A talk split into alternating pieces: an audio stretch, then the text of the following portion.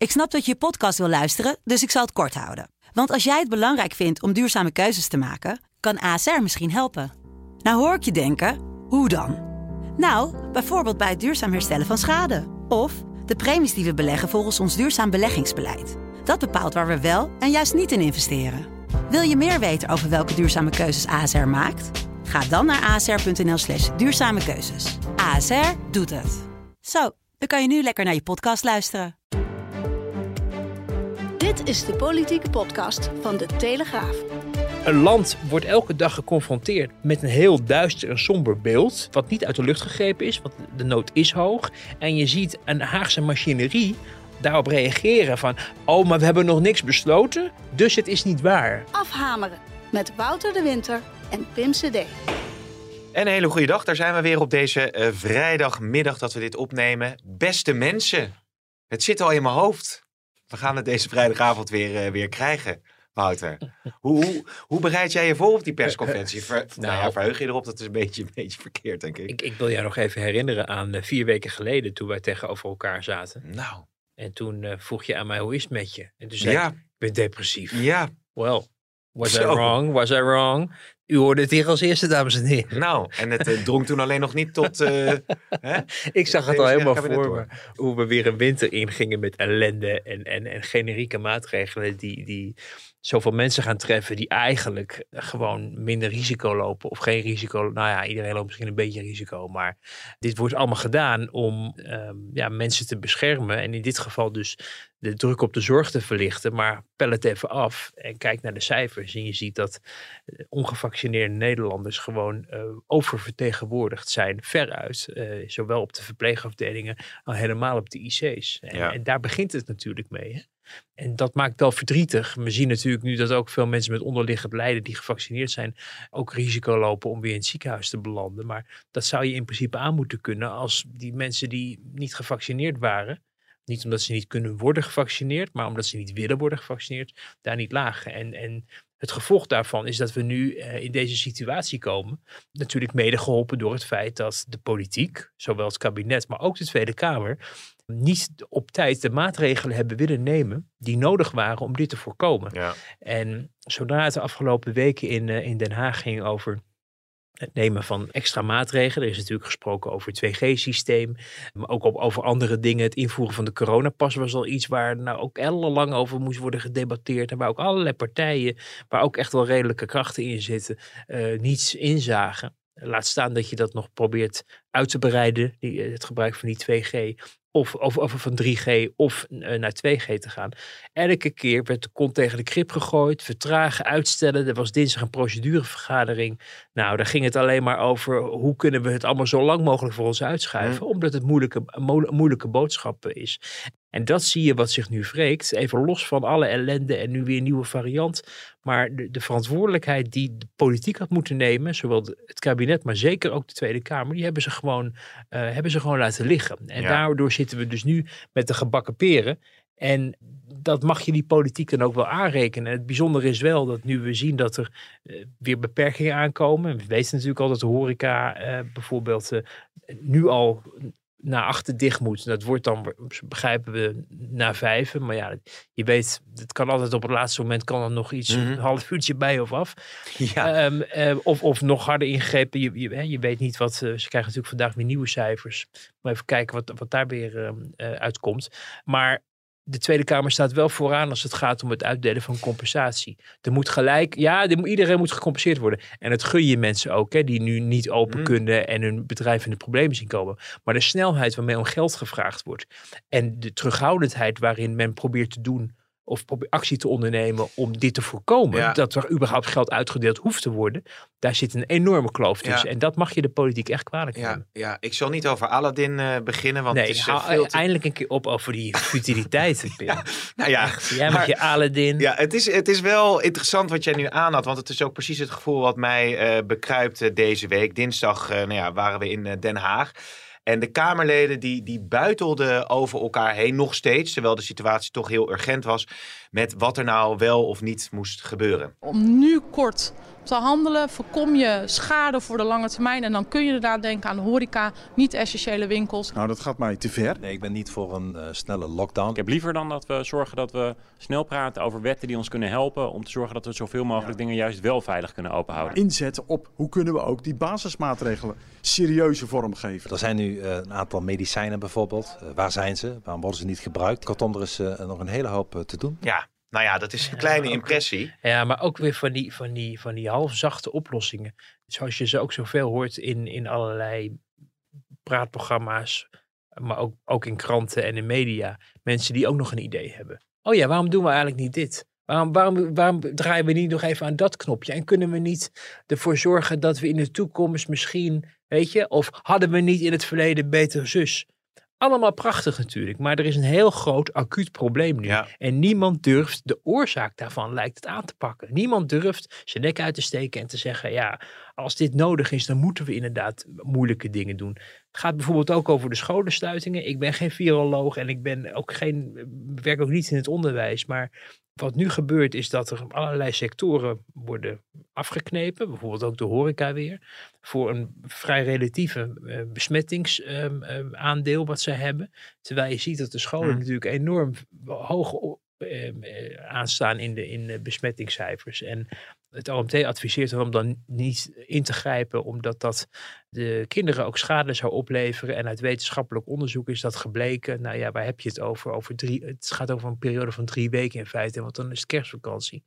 Dat je je kan afvragen van ja, dat laat je dus gebeuren. En op allerlei andere plekken waar het gevaar veel minder is, ga je ingrijpen. Waarvan je eigenlijk op dit moment nog niet zeker weet of dat wel het effect sorteert. Want als die begrotingen blijven, of die besmettingen blijven voortwoekeren in het onderwijs, ja, wat maakt het dan uit als mensen ineens niet meer naar het theater mogen? Dan tref je wel Ja. de, Ali, de Aladdin-liefhebbers, om het maar met, met even... kinderen, hè? Ik- dus, ik dus zit- ik, zit er, ik, zit er diep in, ik, Wout, be- hè? ik bedien je toch, hè? Ja. waar dus eh, geen besmettingen of nauwelijks besmettingen plaatsvinden. En je laat de brandhaard, hoe treurig en verdrietig het ook is, dat je voortwoekeren. En tegelijkertijd, natuurlijk omdat het heel impopulair is bij ouders, dat snap ik ook wel. Ik hoorde van de week een verhaal van een, van een Kamerlid die zei dat eh, kennelijk de meester of de juffrouw had eh, om de ouders te plagen tijdens het thuisonderwijs een opdracht had gegeven dat kinderen met potten en pannen moesten gaan eh, rondlopen in huis en erop moesten slaan. Ja. Nou, dan, dan, dan wens je ze natuurlijk ook graag naar school. Dat snap ik natuurlijk ook wel. Alleen, ja, ik zat toevallig woensdag eh, naast eh, een, een hele interessante schooldirecteur uit, Ja. uit Den Haag bij Jinek. Die gewoon uit het verhaal uit de praktijk, dus niet uit het OMT van ja, we hebben nog eens een studie erbij gepakt en gezien, ja, het is toch wel heel erg voor kinderen. Maar gewoon iemand die Ja. zegt, ik heb niet eens een leraar om die kinderen überhaupt les te geven. Laat staan of, of die kinderen überhaupt kunnen komen, want die moeten ook thuis opgehokt worden op het moment dat ze besmet zijn.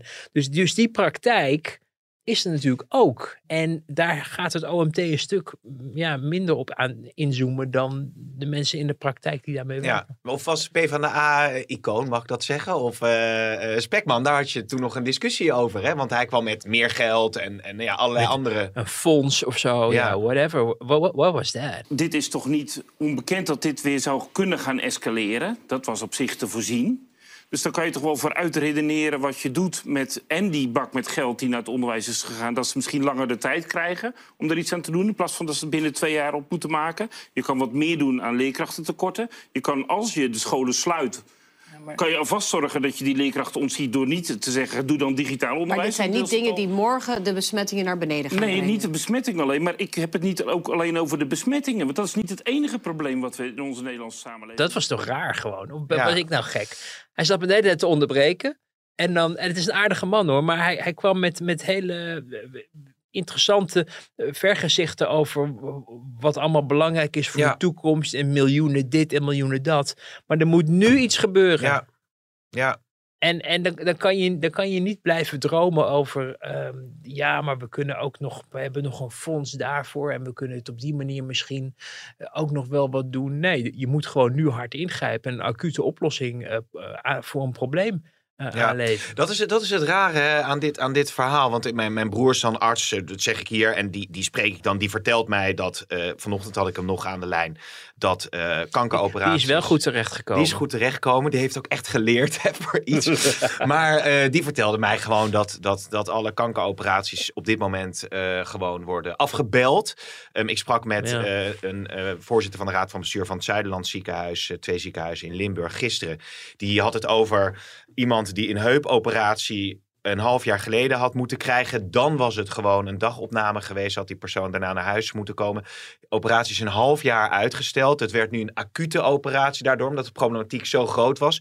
Die persoon moest nu twee weken in het ziekenhuis blijven. Het ging over eh, hele belangrijke over, eh, eh, operaties als het gaat over geloof, zwaar overgewicht, kankeroperaties, alles. Als ik dan zo'n gesprek hoor, die man die, die, houdt het, ja, die houdt het gewoon niet meer vol daar in dat ziekenhuis. Het gaat helemaal de verkeerde kant op. Ja. Ik merk ook alweer in de reacties, als ik dat dan op social media zet, dat er dan ook weer heel veel mensen zeggen van ja, maar hè, waarom, zijn die, waarom zijn er dan te weinig verpleegkundigen? Of we hebben eerder ook al wel ernstige situaties in ziekenhuizen gehad. Ja. Dus je merkt dat daar ook dan wel weer kritisch naar wordt gekeken. Ja, en, en wat we natuurlijk al een paar weken geleden konden constateren, hoe, hoe mensen die in de ziekenhuizen werken zien dat de mensen worden binnengebracht die in naïviteit of in onwillendheid of onwetendheid of in dommigheid weigerden om zich te laten vaccineren omdat ze dachten aan mij, eh, aan mijn lijf geen polonaise of ik, ik vond het, hè, wat, wat kan mij nou gebeuren? Mensen wanen zich natuurlijk ook redelijk onoverwinnelijk op het moment dat ze niks mankeren. Zeker als je jong bent eh, heb je dat natuurlijk. Nou, er staan af en toe mooie verhalen in de krant. Of bij RTL natuurlijk laatst dat ook dat verhaal van die, van die meneer uit die sportschool. Ja. Die geen schim meer van zichzelf was. Gisteren bij, eh, bij Jinek toevallig ook zo'n mevrouw die zei had ik het maar gedaan.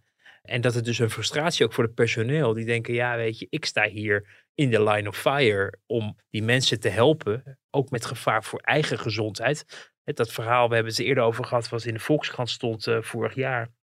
Van die arts die, eh, die helemaal aan het begin van de coronacrisis iemand verzorgde die hem in zijn gezicht hoestte, die corona had. En hij komt thuis en vertelde, eh, volgens mij heb ik het nu ook, want die voelde zich gelijk, en die is, gewoon overleden toen. Echt verschrikkelijk verhaal. Hm.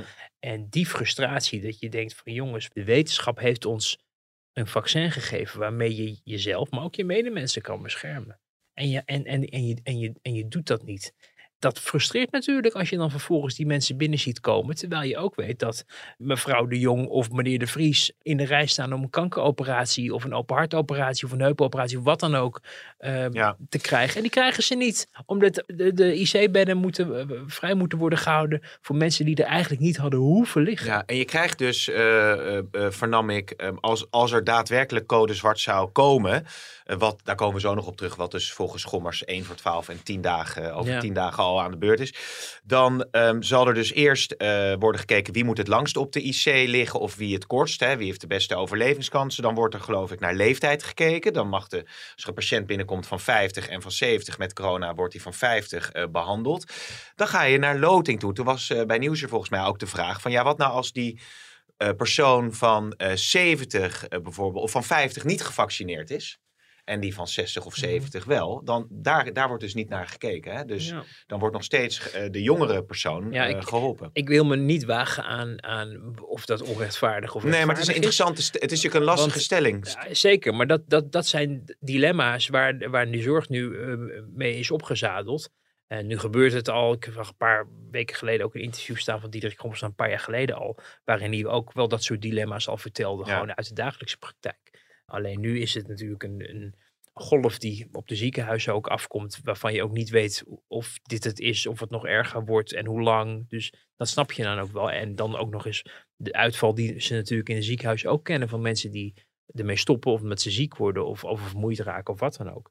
Uh, maar het geeft wel aan dat, dat, dat, dat het, het land wel echt in een, in een fase terecht is gekomen die, die we inderdaad nog niet eerder hebben gezien. En waarvan je je dus ook afvraagt hoe wenselijk het is, is als juist die mensen die daarmee te maken hebben in het OMT en die ad, de adviezen voor Mhm. de regering ook opstellen, als die samen met de leden van het kabinet kennelijk rollenbollend over straat Ja. gaan en elkaar niet meer spreken of elkaars woorden betwijfelen. Gommers die trekt aan de bel over iets en daar kan hij misschien best gelijk in hebben dat het inderdaad veel erger is dan het kabinet zich schijnt te realiseren. Je hoopt dat dat dan, nou ja, niet in de publieke sfeer wordt uitgevochten. En dat men tot een ja, gezamenlijk standpunt komt. En Ernst Kuipers heeft de woorden van zijn ondergeschikte Gommers Ja. ook gerelativeerd. Dus dan denk je wel, maar waar ben je dan, waar ben je dan eigenlijk mee bezig als adviseur? Aan de andere kant eh heb natuurlijk ook wel eh, gezien dat op, ge- op een gegeven moment als het kabinet beslissingen heeft genomen, dat we de volgende dag eh, Gommers bij Sven op één hoorden. En dan hoort vertellen, ja, maar ik begrijp niet waarom ze dat hebben gedaan. Want dat hadden we niet geadviseerd. Dus er is een continue devaluatie en appreciatie van het kabinetsbeleid. Ook door mensen die alleen maar gevraagd zijn om advies te geven. In ieder geval in de, in de voorbereidende zin. Om dan het kabinet een afweging te laten maken. Die ook gebaseerd is niet alleen op het OMT-advies. Maar ook op andere Ja. factoren waar een kabinet als belangenafweger ook rekening mee moet houden. Kortom, dat moet echt anders. Ja. En je hoort in Den Haag ook veel dat er veel gesproken wordt over dat het OMT ook te veel gepolitiseerd is. Dat mensen zich door de studiolampen en de aandacht ook enigszins hebben laten beheksen. Of het feit dat ze misschien een boek eh, vinden, dat ze leuk vinden dat er een boek overheen geschreven wordt. En dat ze zich ook door hun eigen omgeving of de sociale media laten beïnvloeden. Want daar liggen ze ook behoorlijk onder vuur natuurlijk af en toe. Van er moet dit of er moet dat. Mhm. En we willen geen tweedeling. Dan gaan mensen in het OMT tegen een tweedeling spreken. Dan spreek je in Den Haag weer mensen van ja, maar zij moeten daar zich helemaal niet over Nee, uitlaten. ja. Zij moeten, zijn een wiskundige club. Zij moeten gewoon berekeningen maken en advies uitbrengen. En niet vertellen wat ze er zelf persoonlijk van vinden. Ja, want ook over 2G eh, zijn natuurlijk uitlatingen geweest van OMT-leden die daarover gevraagd zijn. Pin me er niet op vast, maar volgens mij was Gommers daar geen eh, voorstander van, zeg Gommer en hoofd. Koopmans vooral, begrijp Ja. ik, dat die zich tegen alles verzet wat, wat, met, met, eh, wat maar naar een scheiding of een, of een, nou ja, je noemt het tweedeling, maar ik weet niet of dat eens eigenlijk een fair woord is. Het is een ja, selecteren eigenlijk, hè, van iets wat tot polarisatie zou kunnen leiden, omdat voor een ene groep iets geldt wat voor een andere groep Mm. niet geldt of tijdelijk niet geldt of omgekeerd. En ja, dat is wel iets wat we nu de afgelopen tijd natuurlijk wel veel zien gebeuren. Maar wat het natuurlijk niet makkelijker maakt. Ook omdat het OMT een, een status heeft gekregen. Ook door al die media-optredens. eh, Maar ook om de, de, de waarde die het kabinet eraan heeft geha- gehangen. Namelijk, ja, wij luisteren naar, het, naar de adviezen van de Ja. experts. Waardoor eh, die mensen zich misschien ook wat groter wanen dan ze eigenlijk zouden moeten zijn. En dat leidt tot ongelukken. Ja. Omdat, omdat we zitten nu in een fase dat we misschien wel met z'n allen de schouders onder moeten zetten. In plaats van ja, de hele tijd eh, betwijfelen of het allemaal wel eh, goed is. Bovendien de Tweede Kamer ook een, een, een rol daarin speelt die ook heel, hoe noem je dat, opportunistisch is eigenlijk. Hè? Van de ene, het ene moment zegt namelijk het OMT van nog niet extra ingrijpen, maar zelf wel het klaar. En dan loopt een, andere kamer, loopt een Kamerlid weer te roepen, ja, er moet nu ingegrepen worden. En een paar weken later zegt, het eh, zegt datzelfde Kamerlid, ja, waarom heeft het eh, kabinet niet goed naar het OMT geluisterd? Ja. Ja, weet je, het is echt, het is wat dat betreft echt een, een rommeltje geworden. Ja, ja, wat dat betreft de stoelriemen vast, want we hebben nog even een overzichtje van... Ik dacht, ik dacht we ronden al af langs. Ja, stoelriemen vast, we gaan vanuit Zuid-Afrika eh, terugvliegen naar Nederland. Nee, als je de afgelopen week in oogschouw neemt, ik had het net over de Kamerleden, maar als je kijkt naar eh, de OMT-leden en eh, Rutte en de Jonge, dan is dit ongeveer het beeld van deze week. Het Outbreak Management Team heeft opnieuw vergaderd en ook tegen ons gezegd: die basismaatregelen worden nog steeds onvoldoende nageleefd. En echt daarom mijn oproep aan iedereen om je daaraan te houden. Code zwart wil zeggen dat we op een bepaald moment voor een patiënt nergens in het land meer een plek hebben. Op dit moment is daar volstrekt geen sprake van. En dat zullen we in de komende dagen en naar verwachting in de komende week ook niet krijgen. Het is echt één minuut voor twaalf. Ehm, ik maak mij echt zorgen en ik hoop dat ik ongelijk heb. Maar als wij over tien dagen in dit zwarte scenario zitten, dan is de wereld te klein. Op dit moment zitten we op 500 COVID-patiënten in, op de IC. Ja, Dus er is geen sprake van een code zwart en ook niet bijna. Maar het punt is wel dat de zorg op een geweldige manier onder druk staat. Ja, ehm, even voor de, voor de, voor de hiërarchie. Hè? Eh, Kuipers, is, toch, is die nou de, die boven Gommers in, in, Ja. in de OMT-structuur? Nee, want Kuipers zit niet in, het- in het OMT. Nee, is niet in het OMT, Maar die is nee. wel de baas van het, Ja, van, het, eh, van het Erasmus. En daar werkt Gommers dan weer. Hoewel, ik weet trouwens niet of hij... Je hebt toch allemaal van die maatschappen en zo. Van Ja, die, dat weet eh, ik niet hoe dat Zelfstandige dokters. Nou ja. Ja. Maar, maar het, het is volgens mij niet onwaar als we zeggen dat Kuipers hoger in rang staat daarin. Maar het is natuurlijk een rommeltje. De vraag is overigens ook, want daar werd natuurlijk in Den Haag ook wel over gespeculeerd. En dat is in het verleden natuurlijk ook gebeurd. Dat op het moment dat dat soort mensen uitlatingen doen, dat er dan een telefoontje van Hugo de Jonge komt om te zeggen, Ja. je had het niet mogen zeggen. Dat Ja. is in het verleden een keer gebeurd toen, toen Gommers ook weer een, een, een maatregel. Was dat nou quarantaine? Nee, het was niet quarantaine, maar goed. Of avondklok. Ja, ja, ja er was, er was zo'n scherpe maatregel waarvan hij diezelfde avond of de dag da- daarna zei in de talkshow, zei, zei Gommers van nou, ik zie eh, uit de cijfers niet dat dat nodig is. En toen is er een, te- een woedend telefoontje gekomen van, van Hugo de Jonge. Maar Ja. ze hebben de moed een beetje opgegeven met ehm Gommi, zoals ze hem noemen eh, Oh ja, is in het- op het departement. Ja? Ja, met Gommi hebben ze, zijn ze wel een beetje klaar. Eh, dus ze proberen het nu via Ernst Kuipers, die, die is uiteindelijk ook de baas. En die zit natuurlijk ook in het, in het katshuis, ook gisteren, om, om cijfers en prognoses eh, als, als beddenspreider, ja, beddenverdeler, om, om die aan het kabinet mee te geven. Dus dat is een beetje hun gesprekspartner geworden. Ja, ja. Nee, ik, zit, ik raak gefascineerd door, door de opmerking gommie. Want dat is natuurlijk de, de, de vraag die ik heb van als je het nu over, over achter de schermen hebt eh, binnen, binnen het demissionaire kabinet. Nou ja, Niels Richter vroeg het ook aan Hugo de Jonge op de man af. Hè, de, de dag nadat eh, Gommers eh, Go- Gommie zich had uitgelaten. Ja, is hij echt de eerste keer dat je het hoort? Ik had dat nog nooit Gommie gehoord, nee. Oh, nee. Maar hij kon zijn irritatie nauwelijks verbergen, Ja. Merkte je. Nu heeft Hugo de Jonge daar wel wat meer moeite mee. Nou, ook dat hè. Met het verbergen van, van irritatie. Je ziet het ook wel weer aan hem. Hè? Dat De man staat weer verschrikkelijk onder druk.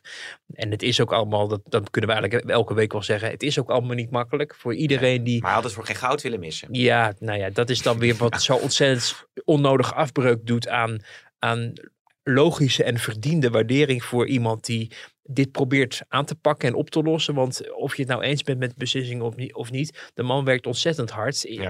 In, in de veronderstelling, in het belang van Nederland, dat hij iets goeds aan het doen is. Dat hij probeert ons uit die crisis te loodsen. Dat gaat nou niet goed, la- kunnen we wel concluderen. Maar dat iemand daar ontzettend zijn best voor doet, dat mag best benoemd worden. Dat wordt trouwens ook zelfs van de grootste, zijn grootste politieke tegenstanders in de Kamer eh, ook wel gewoon erkend. En die sturen hem af en toe ook wel eens een berichtje van ja, ik ben het niet met je eens, maar ik heb een waardering voor je dat je hier na acht uur in het debat nog steeds eh, kalm op mijn vragen staat te, te, te antwoorden. Dus weet je, dat gezegd hebbende.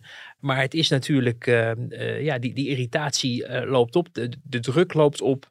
En het is een- ook een frustratie. Het is een combinatie van verkeerde communicatie, onderschatting van het virus, te vroeg versoepelen. Maar ook de- het samenspel. Ik, blijf er toch maar echt op wijzen met die Tweede Kamer. Hè? Want, want je krijgt als kabinet, je kan wel op je kop gaan staan, maar als zelfs in je eigen coalitie, in dit geval de ChristenUnie, Ja, ja. al, al van, van meet af aan eigenlijk de kont tegen de krip gooit, ja, dan moet je daar buiten gaan, gaan koekeloeren. En dan gaan er ook partijpolitieke eh, afwegingen spelen van, van eh, partijen die eigenlijk hadden, in de regering hadden willen zitten, niet mogen mee eh, regeren en mee onderhandelen en denken, ja, jullie zoeken het ook allemaal maar Ja, uit. ja. Behalve, eh, je ziet overigens wel dat de PvdA daar Ja. langzamerhand wel wat van terugkomt. Maar dat hoor. is wel interessant wat je zegt, want dat, dat had ik niet eens uitgezonden in het item van dinsdag. Maar de ChristenUnie, die, die, je krijgt eigenlijk vrij moeilijk dan de ChristenUnie voor de camera, vat me op. Dus eh Ja. Paternotte is Hoe een zou beetje... dat nou komen? Precies, Ja. maar Paternotte is een beetje de, de woordvoerder, die hebben we natuurlijk vorige week al over gehad, die altijd bereid is om toch wel de impopulaire standpunten te verwoorden. Eh, je ziet dat heel veel andere, eh, eh, ja, daar, vanuit de coalitiepartijen daar weinig over willen zeggen. En daarmee komt de druk heel erg op de P van de A terecht. Nou, die Artje Kuiken, die, die liep natuurlijk weer, weer, want die leidde die commissievergadering dinsdag. Ja. Wat, wat een zeer emotionele eh, geheel was. En daarna dus ook weer de pers te woord staan. En dus voor die harde lockdown pleitend. Ja. Eh, waarmee ze, ja, zij moeten de hele tijd bewegen. En uiteindelijk dan toch ook weer meegaan met. met, met Ja, en dat is de, de, ruimte, eh, de ruimte waar ze, waar ze zich natuurlijk eigenlijk helemaal niet in willen laten Nee. manoeuvreren. Hè? De, de rol van je gaat toch wel weer akkoord met. Nee, dit, ze proberen het juist als een eigenstandige afweging Ja. te maken. Ik vind wel dat ze, ze, ze nemen nu wel wat meer verantwoordelijkheid er ook over. En ze heeft ook benoemd bij de 2G bijvoorbeeld van oké, wij, wij steken onze nek uit. We willen het eigenlijk niet, maar we gaan het ook niet uitsluiten. Dat is later, de ChristenUnie is die kant ook wel opgegaan. Alleen eh, ja, met de ChristenUnie, daar, daar zie je inderdaad veel duikgedrag of inderdaad weer zo'n idee van waarom doen we niet 1G? Ja. Hè, alsof, alsof dat het dus morgen oplost, het probleem. Wat niet zo is. 2G inmiddels trouwens ook niet meer hoor. Maar 1G, dat, was, dat varieerde geloof ik van 132 miljoen tot 1,2 miljard per week. Wat dat gaat kosten om, om in te voeren. Ik bedoel, het is, het is werkelijk... Het is onorganiseerbaar. Als je nu ziet hoe de GGD's eh, dit al rondbreiden. Ook dat, ook tijd. dat. Dus, dus dat is dus allemaal onhaalbaar. En dan kom je dus echt al heel snel in ja, toch het territorium dat je mo- moeilijke keuzes moet maken. En ook aan je achterban. En ook aan je own congres, wat weer heeft gezegd, nee, we willen het niet. Dat je zegt, ja, Zit maar... we- van Meijeren? Nee, die komt zo. Die komt zo. Gaan we wel vast, eh, die, ik denk dat we die nog in de komende eh, weken en maanden nog wel eens Ja? nog wel vaker zullen. Ja, dat is. eh, nee. Ehm, maar ehm, met, met ChristenUnie, PvdA, ook wel even vermelden D66. Ik denk dat je gelijk hebt als je zegt dat D66, Jan Paternotte hebben we het dan over, eh, hier wel inderdaad vervelende boodschappen durft te geven. Ik geef er overigens wel bij aan dat voor D66'ers het leven en de manier waarop zij te maken krijgen met het virus, de beperkingen, dat soort dingen, eh, niet automatisch dezelfde eh, eh, Gevolgen of... ja, precies. Je kan natuurlijk vanuit een bepaalde positie, als jij, kijk, D66 zijn over het algemeen, de achterban eh, verkeert niet helemaal aan de onderkant van Nee. de samenleving, zeg maar, qua inkomsten. Dus dan is het ook soms misschien een beetje makkelijk praten. Hè? Dat je denkt van, oh, eh, hè, er zijn natuurlijk een heleboel mensen die hutje mutje met elkaar eh, Ja. oplopen. En nog even een zijpad, die, die eh, D66-lijsttrekker uit Amsterdam, die dan zegt dat mensen maar in de commune moeten gaan leven ongeveer.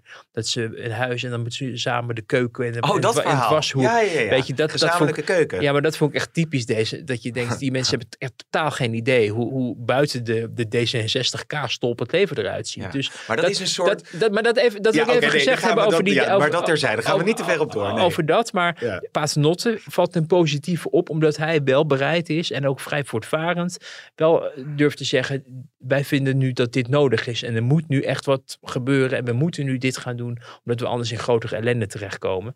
VVD do- doet dat ook wel, Oudje de Vries, maar Paternotte is daar ook publiekelijk heel Ja. erg over benaderbaar, waar je een heleboel andere partijen Ja. juist ziet duiken. Ja. Tenzij ze allemaal zeggen het is allemaal onzin, het hoeft allemaal niet, het virus bestaat niet. Als, als recente toevoeging daarbij dus Adje Kuiken van de PvdA die dus eh, met voorstellen af en toe komt. Ook van we gaan de horeca, hadden we twee weken geleden al moeten sluiten. Nou, of dat nou de oplossing is. Maar er wordt in ieder geval bereidheid getoond om het vervelende verhaal Ja. te vertellen. Ja, ja, en als je dan dat vervelende verhaal vertelt, dat was al van een tijdje geleden, maar toen sprak ik dus met Caroline van der Plas en eh, toen het over 2G ging. En die had het dus over de vergelijking met zwarte mensen achter in de bus in Amerika in, Ja. de, in de jaren 50. Dat doet me denken aan een periode dat zwarte mensen achter in de bus moesten zitten. Je bent ongevaccineerd, jij mag hier niet binnen. Wij zijn gevaccineerd, wij mogen alles. Dus dan wordt dat zo een heftig debat meteen, dat je het, het, het, het rationele debat eigenlijk bijna niet meer kunt voeren. Maar zoiets slaat natuurlijk ook helemaal nergens op. En ik hoorde haar ook be- bezig in, eh, in die procedurevergadering. Dat natuurlijk misschien voor veel luisteraars een wat abstracte bijeenkomst is. Want wat is nou een procedurevergadering? Nou, daar wordt eigenlijk de, de, de, de agenda bepaald, de, de werkwijze van de commissie. En de commissie Volksgezondheid. Waardoor die, commissie, dat zijn dus de Kamerleden die in de plenaire zaal of af en toe in een commissiezaal vergaderen over het volksgezondheidsbeleid.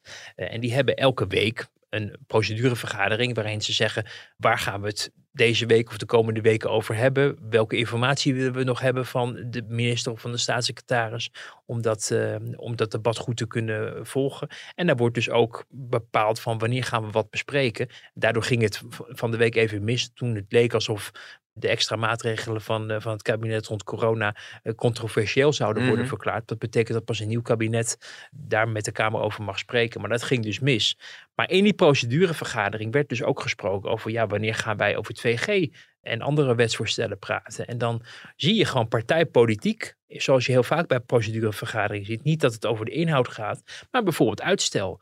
Ja, nee, zei Caroline van der Plas. Ik vind dat we het daar toch wel heel erg goed over Ja, moeten we hebben hebben. het gisteravond pas eh, te zien gekregen, Ja, de, de, de, de moet- tekst moet- volgens mij. Moeten het er heel goed over hebben. Dus ga het deze week niet meer, want we moeten het er heel goed over hebben. Er wordt weer een week opgeschoven. Ja. Dat je denkt, ja, partijpolitiek snap ik het wel als je het allemaal onzin vindt. Alleen, en het is natuurlijk ook belangrijk om wetten goed te beoordelen. Maar we zitten natuurlijk wel in een Ja. crisis nu. Er moeten snel knopen worden doorgehakt. Niet alleen over 2G, maar, want dat is nu, zal dat niet onmiddellijk soelaas bieden. Maar op, op een gegeven moment hopelijk wel weer. Maar ook op andere terreinen, dat je gewoon nu snel moet handelen. En dan zie je, Caroline van der Plas, maar ook een aantal andere Kamerleden, die gewoon bezig zijn om de boel zo lang mogelijk te traineren en uit te stellen, dat het dus geen jota opschiet. Nee. En dan vervolgens allemaal beteuterd staan doen volgende week in het debat, dat het kabinet allemaal een puinhoop van heeft gemaakt en veel meer had moeten doen. Ja. Ja. Ik bedoel, you can square a circle, Ja. denk ik dan. Ja, ja fascinerend om, eh, om dat allemaal te, te, mee te maken, hoe dat, hoe dat gaat. Als je naar het eh, kabinet kijkt, wel naar de, het voorland nu. De les is wel duidelijk dat qua communicatie zullen er wel wat harde noten worden gekraakt intern. Want dat, daar is denk ik iedereen het wel over eens dat dat in ieder geval eenduidiger en, en misschien krachtiger zou moeten. Wat dat betreft is de persconferentie van vrijdagavond interessant.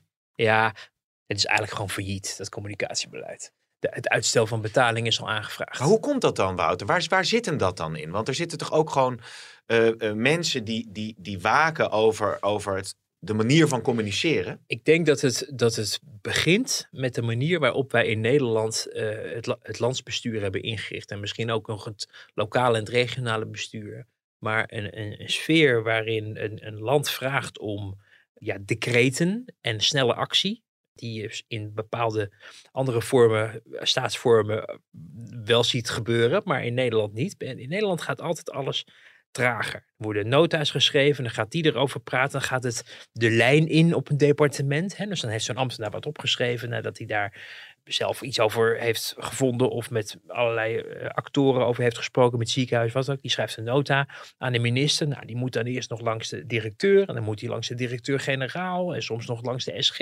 Dan komt het bij de minister, die gaat er naar kijken. De politieke assistent kijkt ernaar. Die moet daar ook weer met, met andere leden van het kabinet over spreken. Het moet ook vaak nog in de coalitie worden afgestemd. Er gaat een heleboel tijd verloren in structuren en de manier waarop dingen nou eenmaal gaan in Nederland en georganiseerd zijn.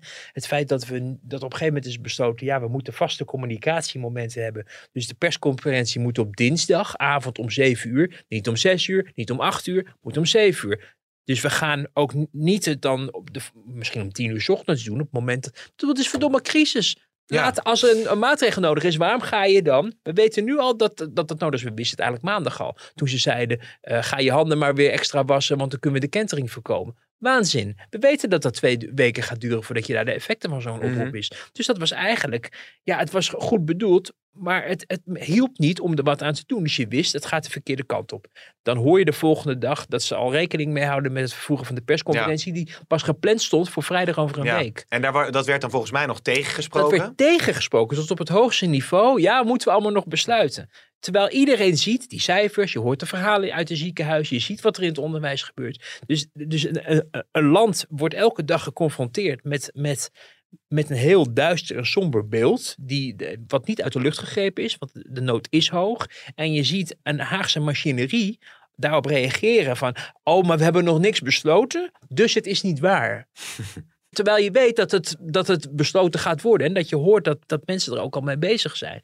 Nou, dan wordt dan op woensdag wordt ineens erkend. Ja, er moet, de, de persconferentie wordt vervroegd. Niet eens nog naar, naar die dinsdag of de maandag ervoor, maar naar die vrijdag ervoor. En dan is er vervolgens weer een hele dag overleg de volgende dag. Want dan moet het OMT weer gevraagd worden. En dan, nou, de OMT-leden weer helemaal in paniek. Want die hadden, die hadden allemaal andere afspraken. Dus dan moest Ja, de- is dat zo? Ja, ja, moest de, moest de vergadering die moest van 7 naar 8 uur worden uitgesteld. En weet je, het is allemaal, het gebeurt te traag, het gebeurt te stroperig. Iedereen zit op elkaar te wachten. Terwijl op dit moment denk ik, eh, je die luxe van, we kijken het nog even aan, Ja. we wachten Ja, nog als, even als, af, als, als kan Gommie gelijk heeft permitteren. met het is 1 voor 12, dan telt dus elke seconde.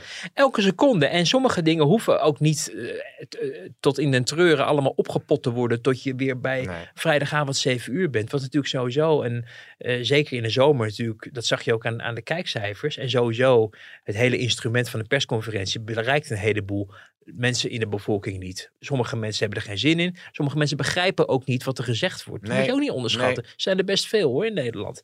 Eh, dus dat he het is bijna Ja. ver- echt een verouderd systeem.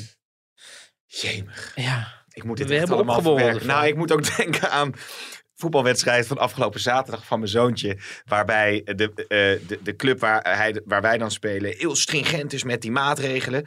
En daar komt een, eh, een club langs. En er staat een, een horde aan, aan ouders en eh, eh, begeleiders langs de lijn. Mhm. Los van die discussie of je nou wel of niet langs dat voetbalveld mag staan. Hè? Want daar kun je van alles over denken. Maar dan is dus die boodschap van ga niet mee met je kind en eh, niemand mag langs het veld staan. Is dus gewoon niet geland of mensen hebben daar ontlenen er Ja, verder geen ja, waarde aan. Dat die mensen, op. zijn, die mensen is maandenlang verteld. Die zijn die mensen. Nee, die mensen is maandenlang verteld, als ze, als ze zich laten prikken, dat ze zich dan eigenlijk niet zoveel zorgen hoeven te maken. Dat ze hun vrijheid weer terugkrijgen. En als je naar de cijfers kijkt en je ziet wie er op dit moment in de ziekenhuizen en op de IC's liggen, dan zijn het niet de mensen, de, oude, de meeste ouders van die leeftijd, want ik neem aan dat die ouders een beetje van jouw leeftijd zijn en niet 89, niet die mensen die op de IC liggen, dus die hebben zoiets van ja, allemaal leuk en aardig, maar waarom zou ik mijn, mijn, mijn zoon of dochter niet even kunnen toeschreeuwen en ent- enthousiast kunnen doen Hmm. in de buitenlucht notabene, omdat, omdat er mensen die heel kwetsbaar zijn op de IC liggen. Terwijl ik hier met mensen sta die waarschijnlijk daar allemaal niet zullen Ja. tegenkomen. Ja, ik snap dat wel. En niet, eh, dan kan je zeggen, ja, mensen doen aan eigen richting en zo. Maar het zijn adviezen van de overheid. En diezelfde overheid heeft mensen eh, maandenlang in het vooruitzicht gesteld. Als jullie maar doen wat wij zeggen en je laat vaccineren. Dan hoef je zelf niet meer na te denken, want dan ben je veilig. Ja. En dat, dat wreekt Dat zich nu. zich dan nu. Jemig Wouter. Nou ja, we nemen even een momentje van rust in deze podcast. Ik heb namelijk nog allerlei dingen die Heb ik ook nog, vragen. doe nog eens even van je terzijdes. Want Nou, daar nou, zitten de mensen langs nou, alleen, op te wachten. ik wil, want we gaan, we gaan nu naar de, ja, een hele Aladdin, noem het maar. Dat is misschien het beste. Je kijkt op je telefoon, komt er nieuws binnen. De vluchten van Zuid-Afrika. Dat werd wel heel kordaat opgepakt. Hè? De mutatie is nog niet opgedoken. En de EU komt met het advies om vluchten uit eh, Zuid- Zuidelijk-Afrikaanse landen Nou ja, tegen te gaan. Vraag je, af, je vraagt je af hoe kordaat dat dan eigenlijk is. Hè? Want het, het was al zo in Groot-Brittannië en Israël. Dat is wel weer waar. Vervolgens komt Europa eroverheen. Ja. En daarna komt Nederland. Ja. Net als heel vaak met buitenlands beleid. Als, als Poetin wat doet of zo. Of, of China of wat dan ook.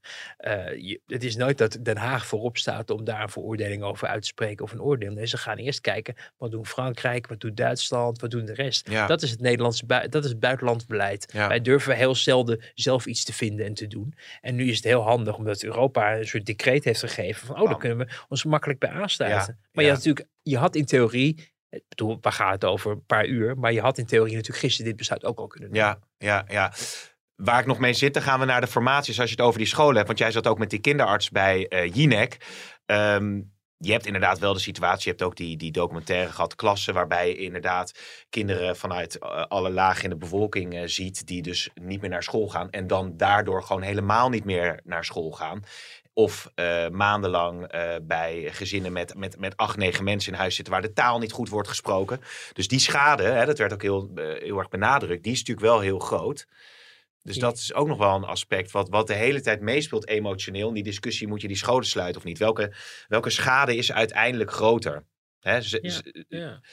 Nee, dat, dat, dat zeker. En dat, dat is ook een duivels dilemma. En het, is ook, het zijn ook allemaal geen makkelijke keuzes. Ik denk wel dat je die keuzes eh, ja, had kunnen voorkomen als je de afgelopen weken, niet afgelopen jaar, ja, in ideale situatie ook, hè, IC-capaciteit, maar afgelopen weken toen je het zag ontsporen, iets had moeten doen. Ja. En ook gewoon specifieke maatregelen nemen om, om, de, om de brandhaarden te stoppen. Maar de situatie is natuurlijk, eh, ja, het is heel verdrietig. En inderdaad, eh, als, er zijn ongetwijfeld onderzoeken waaruit blijkt dat eh, dit niet goed is voor kinderen. En je gunt die kinderen ook speelkameraadjes. En ja, dat is fijn. Je zou Ja. misschien ook kunnen overwegen. Maar goed, dat, ik, ik, haat, ik haat dat soort speculaties altijd van, van mensen in allerlei media. Dus dat moet ik misschien zelf ook niet doen. Maar als je nu mensen twee of drie weken thuis houdt. Misschien moet je ze dan in de zomer twee weken langer na- naar school laten gaan. Weet je, ik Ja, bedoel... Nee, echt, echt, echt maatwerk Als op het, die als, scholen. als het gaat om ze krijgen niet voldoende leertijd of zo. Ja. Maar dit is natuurlijk ook, ook, ook Dat kinderen is ook zo'n zullen- aspect. Ja, maar ook kinderen krijgen er natuurlijk mee te maken dat er nu een andere situatie is in hun leven dan dat twee jaar geleden was. Ja. En, en ehm, dan kan je proberen alles bij het oude te laten. Maar ja, als dat, als dat tot, tot verschrikkelijkheden op de IC's leidt, ultimo, omdat die besmettingen uiteindelijk hun weg vinden naar kwetsbare mensen, ja, eh, misschien willen ze ook nog wel dat opa en oma blijven leven, Ja, die ja. kinderen. We nemen dit op vrijdagochtend op. Je moet natuurlijk altijd nog maar zien dat, dat ze misschien Ja. nu het advies om die scholen open te houden. Maar het kan natuurlijk maandag bij wijze van spreken over anders zijn. Als die, als die cijfers maar blijven is doorstijgen. het altijd handig als mensen om twee uur gelijk luisteren als hij online komt. Want we hebben als je daar in het verleden, kan ik me nog herinneren, ook de scholen. Die gingen absoluut niet Zeker. dicht. En een paar weken later gingen de scholen dicht. Dus wat dat betreft... Ja, eh, ja, het was op zaterdag was het nog onbespreekbaar. Op Ja. zondag gebeurde het. Dus dat geeft inderdaad aan hoe, hoe dingen kunnen veranderen. En het is goed dat je die disclaimer ook er even bij vermeldt. Want wij, wij doen het nu met de kennis van, van vrijdagochtend. Eh, eh, ja, er kunnen, ze krijgen om kwart over één, vertelde Rutte laatst, krijgen zij de cijfers die wij om kwart over drie Oké. krijgen. Dus zij kunnen om kwart over één al zien. Je zag gisteren namelijk een, voor het eerst een daling van het gemiddelde. Van, Hm. van de cijfers. En dat was, nou ja, we grijpen alles maar aan als een, als een, als een signaal van positief nieuws in deze barre tijden. Eh, maar goed, als dat nu voor een tweede achtereenvolgende dag het geval zou zijn, dan Ja. zou dat enige hoop bieden. Ja. Gelukkig hebben we tot slot goed nieuws over de formatie. Toch Wouter? Is het niet heel dichtbij? Ja, eh, over, hoewel wel de, de coronacrisis en het feit dat er in katshuizen en zo moet worden overlegd. En vandaag ook weer. ehm, betekent wel dat daardoor er weer wat vertraging lijkt te zijn. Mhm. Maar wat je ervan hoorde. Er is natuurlijk veel gespeculeerd over Sinterklaas. Nou, daar heb ik nooit echt helemaal in geloofd. Het was wel heel kort. Nee, dat is een mooie uitspraak dit trouwens. ja, ja, ja, rimshot heet dat geloof ik. Hè? Met zo'n... eh, ja. Nee, maar eh, de, de, de, de, het idee was dan wel aanvankelijk om het de week na Sinterklaas eh, in ieder geval het regeerakkoord af te hebben. Nu hoor je dat het waarschijnlijk is vanwege die vertraging dat dat de week daarna gebeurt. Dat is dan de week van, van 12, 13. En ik begrijp dan dat er wordt nagedacht om dat dan op, op een maandag te presenteren. Mhm. Omdat je dan op dinsdag eh, er met de fracties over kan spreken. En daar wil men ook wel wat tijd voor nemen. Want dat is in het verleden bij Rutte 2 bijvoorbeeld wat tekort geweest. Hè, gezien de ellende die daar allemaal uit voortkwam. Ehm, en dat je dan bijvoorbeeld op een woensdag of een donderdag een debat hebt. Naar aanleiding van het verslag van de informateurs. Ehm, over het aanstellen van de formateur. Dat zal dan de minister-president eh, in spe zijn, Rutte.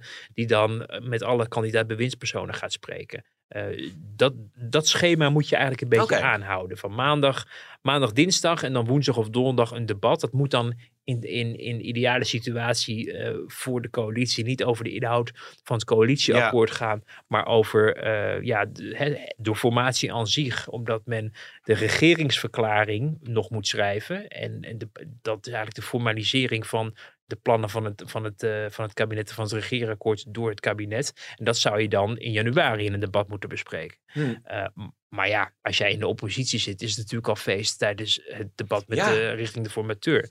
Dus dat zal ongetwijfeld gebeuren. Maar dat is een beetje waar men, eh, begrijp ik, eh, op aankoerst. Oké. En dan heb je het dus eigenlijk over de laatste week voor het reces van een, eh, ja, over een finalisering Ja. en een presentatie. Ja. En dan waarschijnlijk is de verwachting dat dan voor de kerst of vlak voor de kerst de bordesscène er zou kunnen zijn. Maar alles onder, met een slag om de arm. Want als eh, corona nog meer tijd opsturpt, kan dat een factor zijn.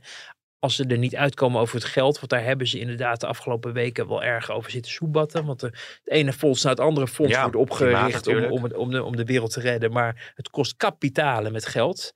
Stikstof, Lage rente. klimaat. Maar denk ook bijvoorbeeld aan eh, als jij het studiestelsel wil gaan veranderen en de studiebeurs wel in wil, wil voeren. Betekent het dat je al die mensen die die studiebeurs niet hebben gehad, de afgelopen, wat is het, vijf jaar of zo, die, die hebben, zijn er behoorlijk in de aap gelogeerd. Dus die Ja. zal je misschien iets van tegemoetkoming moeten bieden. Dat kost ook een heleboel geld, miljarden.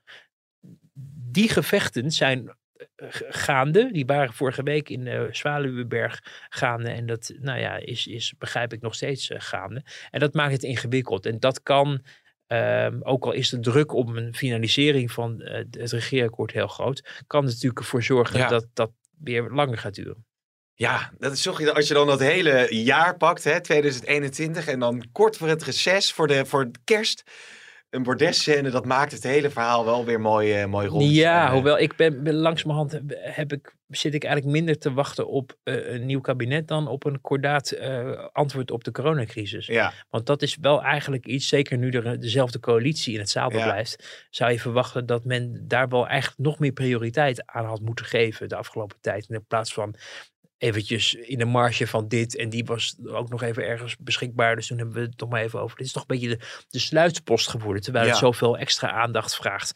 Hugo de Jonge is nu de enige coronaminister. Ja, hij had eerst nog een tweede minister, hè, die is van toneel verdwenen. Hij doet dat er alleen maar Ja. nog maar extra bij. En dat zijn we een beetje normaal gaan vinden. Maar het geeft aan dat, dat, dat de focus ook op hem wel heel erg ligt. Terwijl er zitten ook nog allemaal andere mensen in het kabinet die we ook nooit overzien of horen. Nee. En, en dus ja, dat, dat vind ik dan ook op zich wel, wel opvallend. En geeft wel aan dat het is wel belangrijk om, om, om ook oog te houden voor de gezamenlijke verantwoordelijkheid van het kabinet. En ook van de coalitie om dit eh, tot een goed einde te brengen. Overigens nog heel, als laatste, Pim. Ja. Ik zeg dus nu Ik deze... vond het zo'n mooi einde. I know, maar die timetable, hè, die timetable wel even slag om de arm. Hè? Nee, want, want, want dit, is, dit is de laatste info die ik, die ik de afgelopen eh, dagen hoorde. Er, er kan iets gebeuren. Misschien zeggen ze op een gegeven moment, ja, we geloven het ook wel morgen eh, regeerakkoord. Maar het gaat goed komen. Ja, ja ze, zitten nog niet wel- op het, ze zitten nog niet op het punt dat, dat, ze- dat ze zeker weten dat het eh, gaat lukken. Maar er is geen reden om aan te nemen dat het niet gaat lukken. Ik heb nog zoveel dingen, maar dat doen we gewoon in de volgende podcast. Wouter, dankjewel.